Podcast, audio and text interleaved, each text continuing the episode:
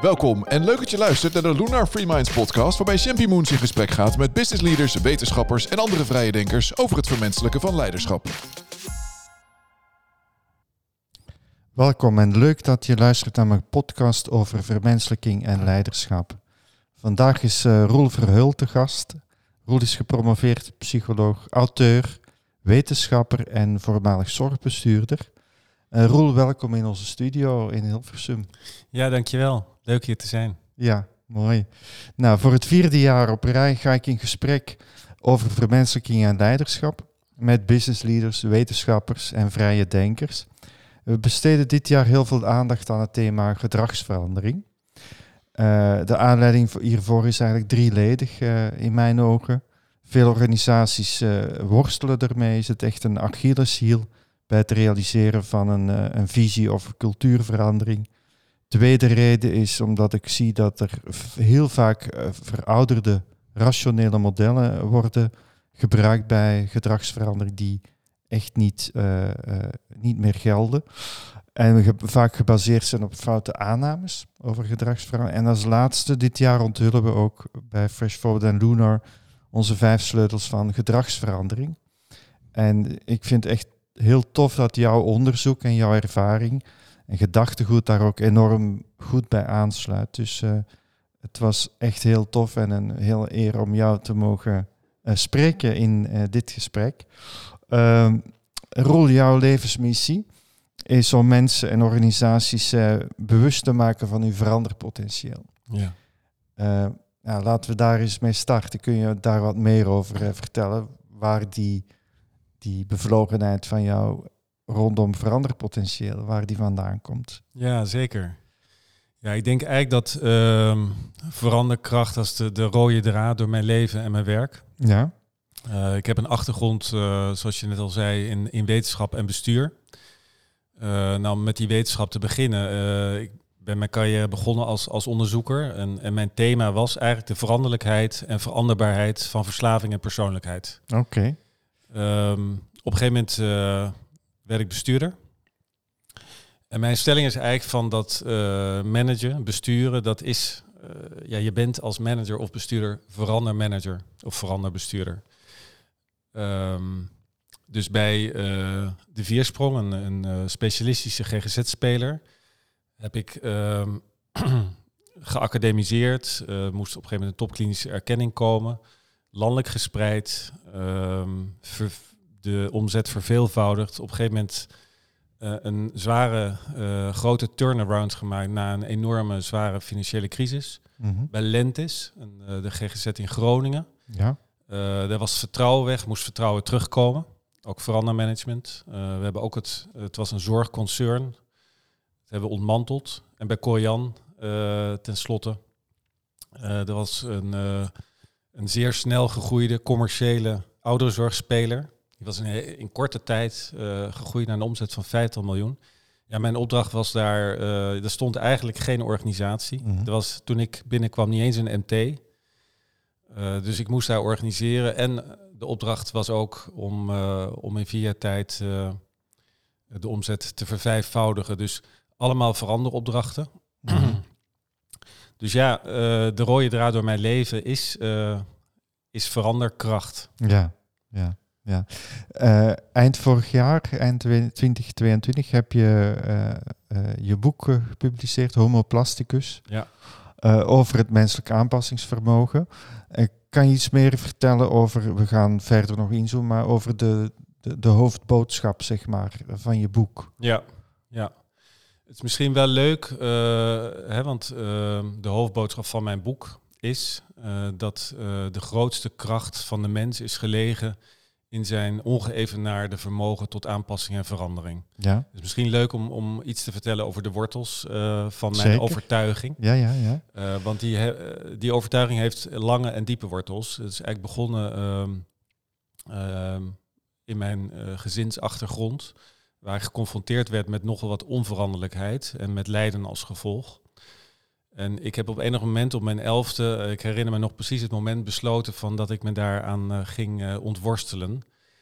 Um, en ik denk, eh, dat heb ik misschien een klein beetje overdreven. Mhm. Eh, nou, ik was, eh, ik was de eerste in, in eh, voor zover ik terug kan gaan in, in mijn familie eh, met een academische graad. Maar ik was ook eh, op mijn 33ste werd ik dan hoogleraar en op mijn 37 CEO. ja.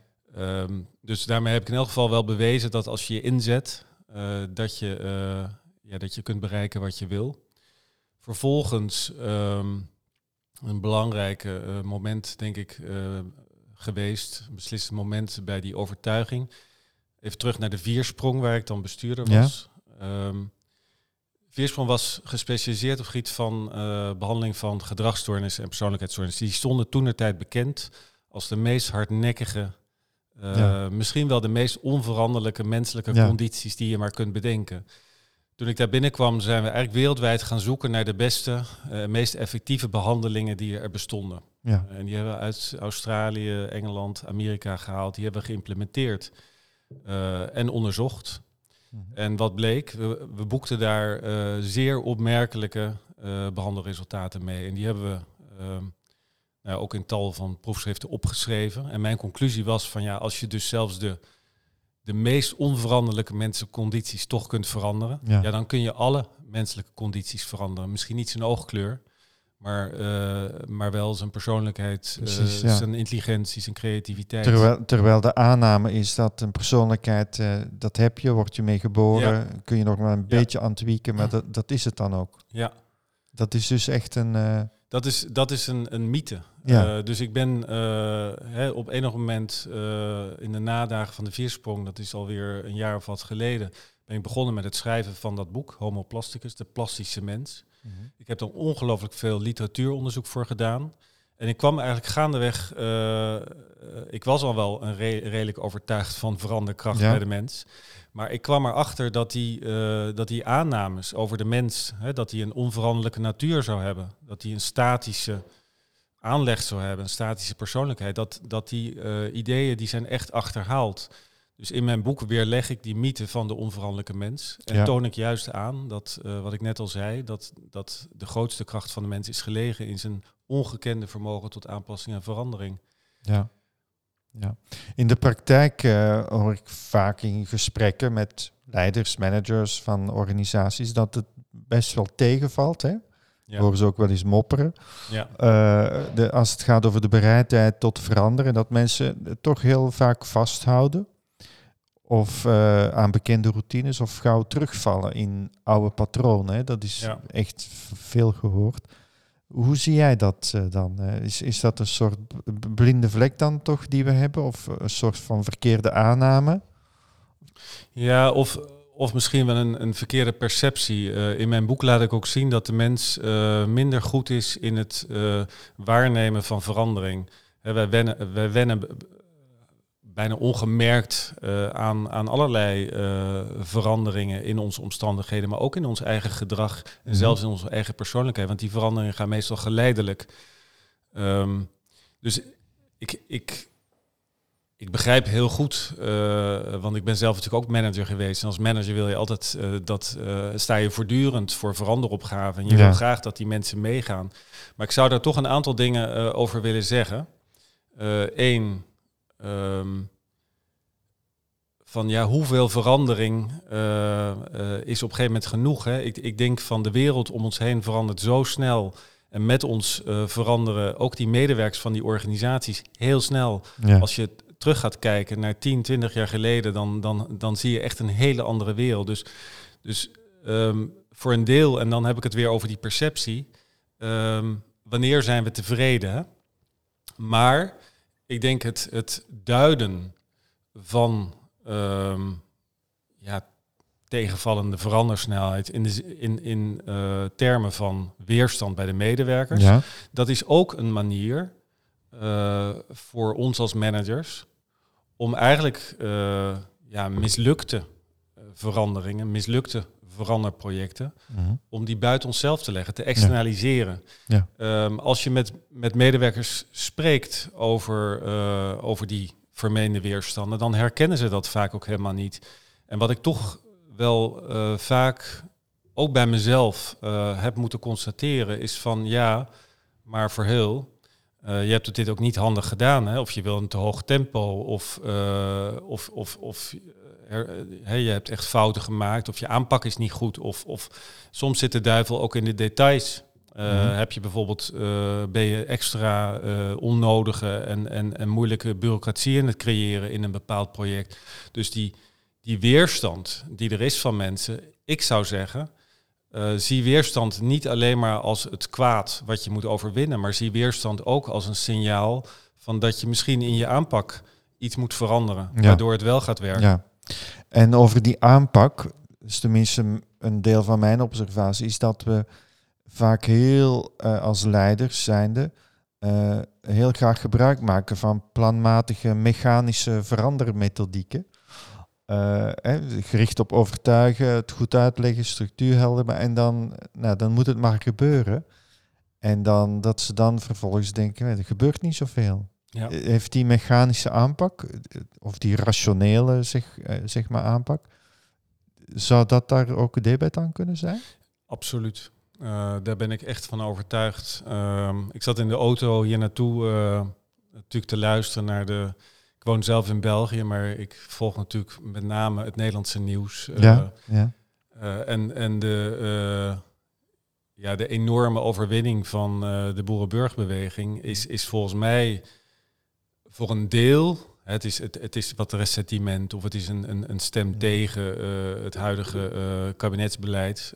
maar het is ook eigenlijk het verlangen naar weer de menselijke maat. Ja. Um, en mensen zijn geen machines. Mensen zijn, mensen uh, komen in, in opstand en terecht uh, als je ze uh, in systemen probeert te persen.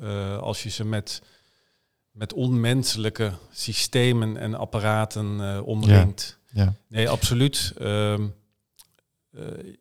als je wil veranderen, dan zul je je moeten verdiepen in, in de aard van de mens. Ja, ja.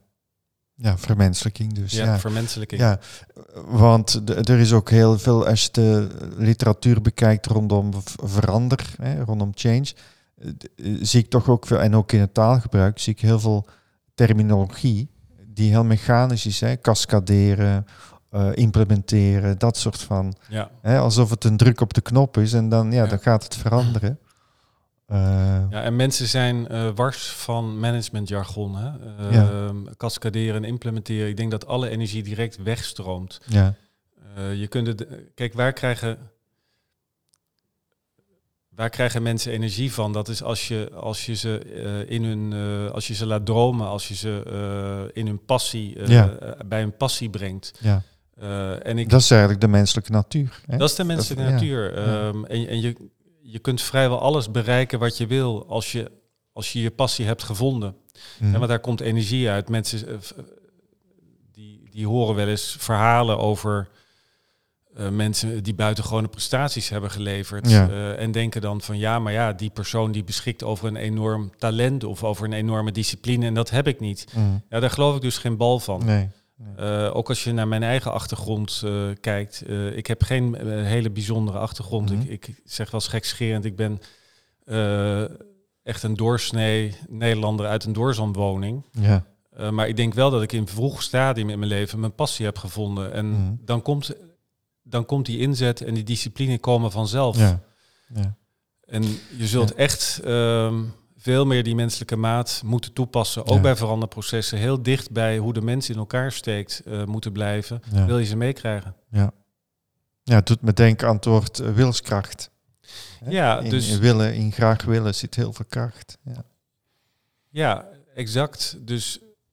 Um, en die wilskracht en die discipline die je wel nodig hebt bij veranderprocessen, -hmm. die moet je aanboren. Ja. En die ligt besloten uh, in die mensen. Want ik, ik geloof dat uh, of je nou bij, uh, bij Shell werkt of bij McDonald's of bij, ehm, bij de HEMA, mensen die daar werken, die, die werken daar niet voor niks. Hè? Die, mm. daar vinden ze kennelijk ja. iets van hun passie. Ja. Maar als je ze dan inderdaad gaat doodgooien met managementjargon, dan haken ze af. Dan vervreemden ze van hun eigen passie. Ja, ja. Als we teruggeven uh, in de schoenen van uh, ja, leider zijn, leiderschap, manager. Eh, wat zijn volgens jou ja, eh, sprekende voorbeelden van de meest voorkomende valkuilen? Waar we zo eh, bijna blindelings in zouden kunnen stappen. Ja. Heb, heb je daar een aantal concrete voorbeelden van? Ja, eh, en net hebben we er eigenlijk wel eentje aangeraakt. Dat is Ja. dat, eh, dat weerstanden misschien wel te snel eh, worden geduid in de zin van onwilligheid bij Ja. medewerkers.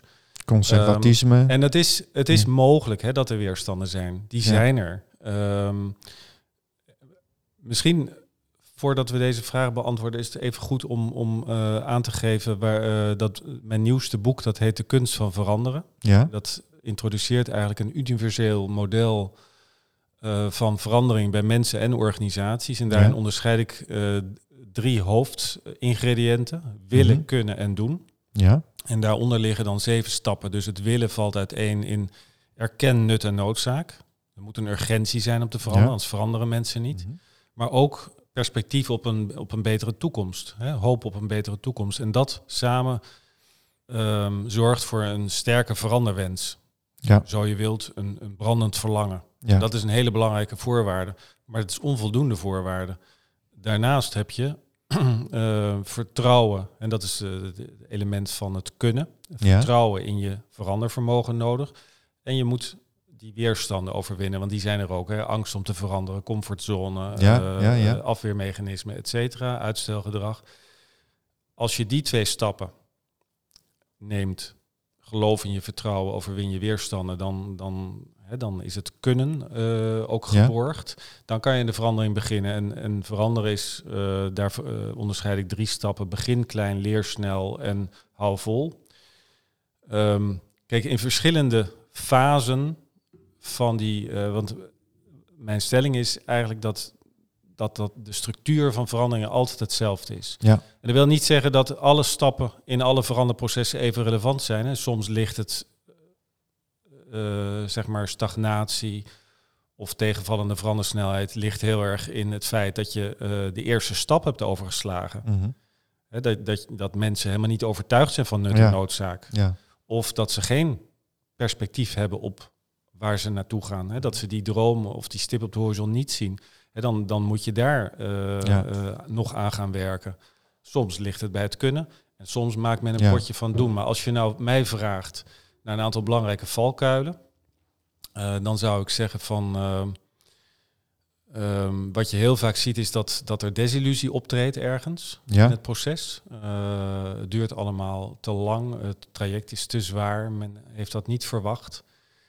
Ehm, of eh, men raakt gefrustreerd door tegenslag. Ja, dan zijn mensen eigenlijk niet voldoende van tevoren. ehm, hebben ze, hebben ze een, een, misschien te hoog gespannen verwachting van dat het allemaal hè, de, met een yes we can stemming Ja, ja, ja, ja. eh, gecreëerd door een leidersfiguur. Want die dachten van ja, we moeten mensen empoweren. Maar zet, creëer ook wel een realistisch perspectief. Veranderen is, is eh, ja, soms, eh, soms ook wel een beetje noeste arbeid. Hè? Je Ja. moet er ook een beetje geduld voor hebben. Daar gaat En, gewoon tijd ja, overheen. vol- volhouden, ja, inderdaad. Volhouden en. En, eh, en leren. En tegenslag is helemaal niet erg. Nee, Fouten, missers, mislukkingen.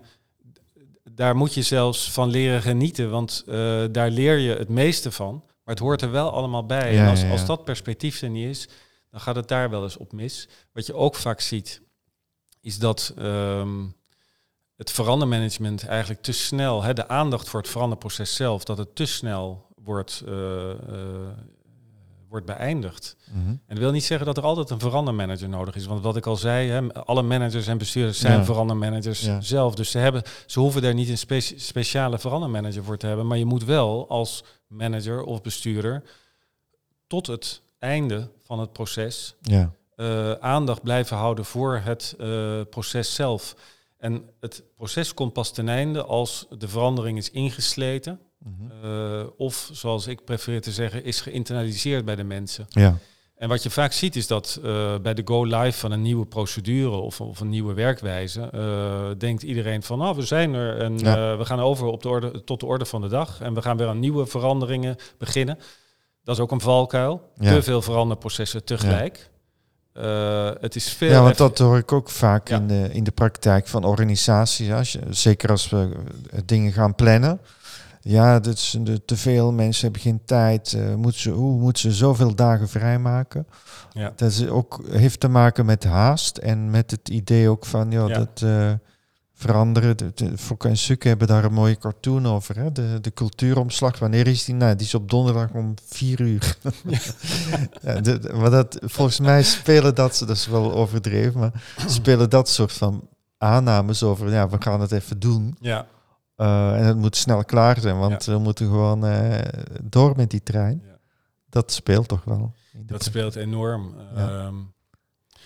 Eh, hier geldt echt haastige spoed is zelden goed. Kijk, als je, als je eh, denkt dat je die verandering op donderdagmiddag om vier uur kunt doen en dan hè, volgende week, je komt bedrogen uit en uiteindelijk stagneren al die processen, eh, raken ze ook Ja. gemixt en verward met elkaar, waardoor je met z'n allen in een, in een stroop terechtkomt waar je nooit meer uitkomt. Ik zeg altijd van, hoezo heb je te druk?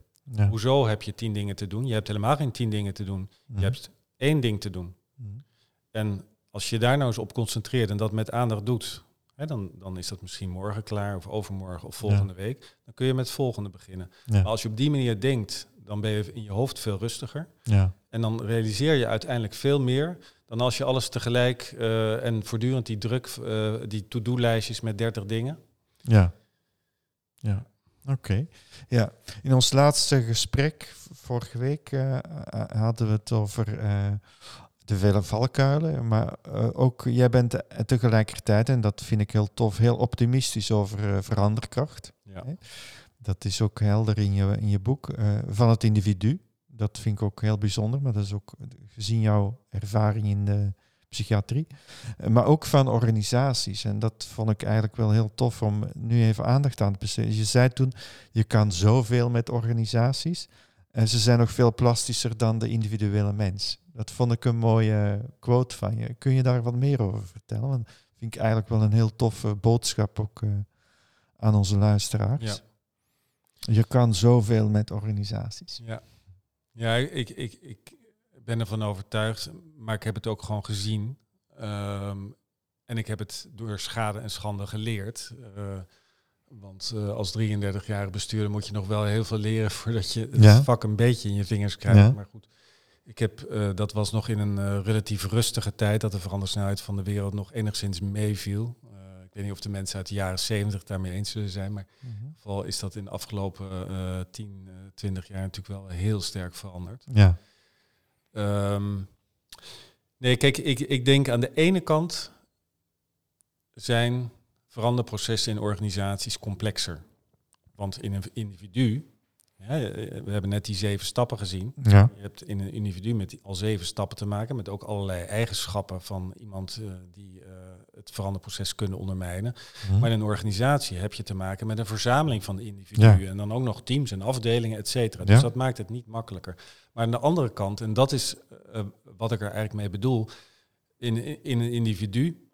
Eh, kijk, in mijn, in mijn boek Homo Plasticus weerleg ik de mythe van de onveranderlijke mens, ook in termen van zijn onveranderlijke genetische aanleg. Er zijn heel veel misverstanden over, daar zullen we nu niet over in detail treden. Mhm. Maar laat onverlet, bij een individu heb je wel te maken met, een, eh, met zijn DNA. ja, En dat is behoorlijk plastisch, maar niet oneindig. nee, Maar in organisaties heb je te maken met cultuur. En cultuur heeft geen DNA. nee, Dus cultuur is, eh, is wat mij betreft maximaal plooibaar. ja, Dus, eh, en, je, en je ziet ook zulke grote verschillen tussen bedrijven. Hè. Je ziet, ziet in, in Amerika hebben ze een aantal bedrijven eh, echt met een, een, een, ja, een groeimindset cultuur. die als voorbeeld dienen voor tal van ja, meer oude bedrijven. Bijvoorbeeld ING heeft het, het, het, het model van Spotify eh, geadopteerd. En ik, ik geloof echt dat cultuur is maximaal plooibaar. ja, Dus, maar laat onverlet dat je wel de wetmatigheden van die zeven stappen moet blijven Ja. volgen. Hè. Dat Ja. betekent niet dat je maar een dotje kan doen en dan eh, hopen dat het allemaal goed komt. ja. ja. Want dat is wel fijn aan die zeven stappen die je net eh, benoemde. Dat, eh, dat zei je ook zo mooi in ons eh, voorgesprek van... eh, als op elk van die stappen kun je eruit vliegen. Ja. Hè? Als het Ja. gaat om verandering, dan Ja. ga- gaat de, st- de, de stekker zomaar uit het stopcontact hè, van de verandering. Ja, ik had dat opgetekend. dat wordt ook een plaatje in het boek, wat dan telkens terugkomt. Dus, en, en het is eigenlijk een soort wiskundige logica. Hè? Dus ehm, ehm, ik wil veranderen. Telkens als er een nee op een van die zeven Mhm. stellingen komt, vlieg je eruit. Ja. Is er geen verandering. ja. Dus dat is een mooie Dus- checklist. Dat is een mooie checklist. Ja. Maar je hebt dus zeven ja's nodig om uiteindelijk tot een succesvolle verandering te komen. Ik wil veranderen. Mhm. Ik, eh, er is een oplossing. Ja. Dus twee. Ja. Drie, die oplossing werkt bij mij. Mhm. Vier, ehm, de weg is vrij van weerstanden en obstakels. Mhm. Vijf, ik weet hoe te beginnen. Zes, ik durf te leren, durf fouten te maken en Ja. daarvan te leren. En zeven, ik eh, kan volhouden. Ja. Iedere keer kun je eruit vliegen. Ja. Dus er zijn eigenlijk, ja, dat, dat, hè, dus het goede nieuws is van dat je nu weet eh, welk checklist je moet volgen en dat Ja. je er dan kunt komen. Ja. Het slechte nieuws is dat je er vaker uit kunt vliegen dan erin kunt vliegen. ja. Oké. Kan je, want eh, kan je iets meer vertellen over die groeimindset? Want het is een, een nou, term die mensen wel vaker gehoord hebben. Ja. Het is ook een van onze eh, sleutels Ja. die wij ontwikkeld hebben. Een van de vijf die echt keihard nodig zijn om verandering eh, Ja. voor elkaar te krijgen. Ehm, kan je daar iets meer, meer over vertellen? Ja, zeker. Eh, Ja. Ja, ik vind het heel tof dat jullie eh, die hebben geadopteerd. Ehm, en en het, het grappige is eigenlijk dat ik pas eh, kennis heb genomen van het hele gedachtegoed en ook die boeken eh, van Carol Dweck ben gaan lezen nadat Homo Plasticus al verschenen was. Is Ja. eigenlijk, eigenlijk is dat van de gekken. ja. Maar heel veel mensen die ik vraag van ken jij groeimindset, eh die zeggen nee. Dus Mhm. het is helemaal niet zo bekend en vooral niet in die organisatiewereld. Maar het is eigenlijk ongelooflijk wat het verschil is tussen mensen met een, een groeimindset of een, een statische mindset. ja. En ze hebben daar wel onderzoek naar gedaan. Het komt vaker voor dat je één van de twee hebt. Eh, hè, er zijn wel mensen die zitten ergens in het midden, maar het, het, het, is, het, het is eigenlijk zo'n zo'n zo'n eh, twee hobbelige eh, rug van een kameel. Mhm. Je hebt wat meer mensen die hebben het een of het ander ja. en wat minder ertussenin. Maar het, het, de, verschillen zijn gigantisch. fixed mensen, mindset, hè? ja, fixed, Ja, statische mindset. ja. ja. Eh, mensen met een statische mindset die geloven ehm, dat, dat je het hebt of je hebt het niet. Mhm. Dus je, je bent intelligent of je bent het niet. ja. Dus die zijn ook continu bezig om eigenlijk te bewijzen dat ze het wel zijn. Gaan uitdagingen uit de weg, want ze zijn bang dat, dan, eh, dat ze door de mand vallen. Of dat Ja. misschien eh, uitkomt dat ze het niet hebben. Ja. Mensen met een goede mindset, die zijn er helemaal niet mee bezig. Die denken dat eh, eigenlijk vrijwel alle eh, competenties, eigenschappen, eh, intelligentie, persoonlijkheid, dat het ontwikkelbaar is. Ja. Die zijn veel meer bezig met het aangaan van, van uitdagingen. Die, zijn, die gaan op in het leren, in het, in het ontwikkelen. Zijn ook niet bezig om succesvol te worden, maar worden het vaker wel Mhm. met die mindset dan dat die statische mensen. Want die statische mindset mensen, die zijn eigenlijk, die zitten heel erg in defensief, die zijn Ja. angstig. Ja. Ehm, en, en dat is, nou ja, dat hebben we net in onze zeven stappen gezien. Dan vlieg je er op een, aantal punten gewoon uit. Ja, ja. En weer moeilijk in te pluggen, lijkt me. Als dat eh, de, de dominante cultuur is. Hè? Ja.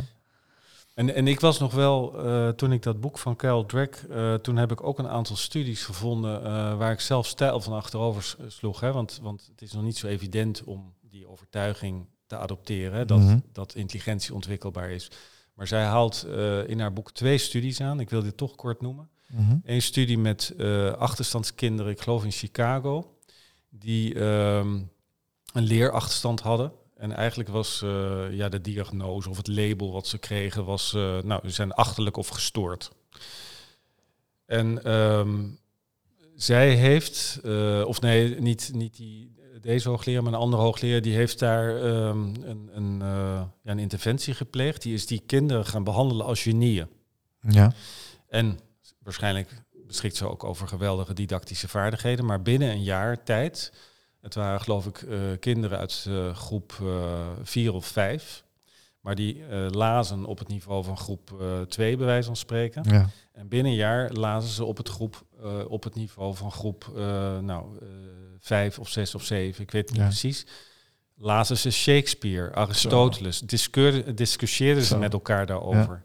En, en ehm, het blijkt dus dat, eh, dat IQ, wist ik ook niet, eh, Mhm. is eh, de ontwikkelaar van dat concept en, en ook de uitvinder van de intelligentietest, heeft dat hele concept nooit ontwikkeld om mensen vast te pinnen op Nee. een soort van statisch gegeven. Integendeel, die test is ooit ontwikkeld om kinderen met een achterstand Ja. te identificeren, om ze vervolgens met een wat extra aandacht, extra eh Komt leeraandacht, ook uit de ontwikkelingspsychologie. Ja. om ze zeg maar weer terug op het eh, normale niveau te brengen. Dus, ehm, maar het is ongelooflijk dat dat, eh, dat hele IQ-concept, zowel in het onderwijs Mhm. als in werving en selectie, wordt gebruikt om mensen vast te pinnen op hun niveau. Mhm. Om aan te nemen dat dat zeer voorspellend is voor hun gedrag en hun prestaties eh, in de Mhm. komende jaren. Terwijl het is dus ge- gebaseerd op Ja. niets. Het is Nee. gebaseerd op drijfstand. Het klopt Ja. niet. Ja, ja, ja. Ja, gaaf hè, als je daar in die, in die onderzoeken duikt. Ja. Ja. Nou, wat zouden... ja, er is nog veel meer te, te zeggen natuurlijk over eh, veranderkracht. Maar als we even kijken, wat zouden twee, drie praktische tips eh, van jou, eh, gouden tips kunnen zijn voor eh, leiders, managers, eh, die inderdaad ook allemaal, denk ik wel, eh, met verandering te maken hebben. Eh, wat zou je hen willen meegeven, zo vanuit jouw ervaring eh, die je daarmee hebt en je, je verdieping die je daarin gemaakt hebt eh, Ja. in het schrijven van die boeken? Ja, ik denk, ik denk een hele belangrijke, ehm, die ehm, een, een, een, een soort,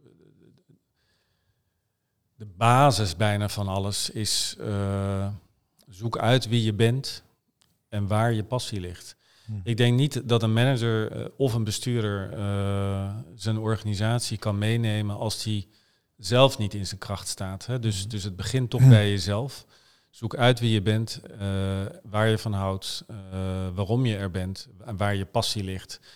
En daar kun je, kun je een heleboel kracht uit putten. En ik denk ook als je dat proces bij jezelf hebt eh, ehm, doorge- doorgemaakt, Ja? dan kun je dat ook op een authentieke en, en overtuigende wijze bij je mensen gaan, eh, gaan, gaan doen. Eh, en je mensen eigenlijk verleiden om dat te gaan doen. En uiteindelijk eh, zit veranderkracht in.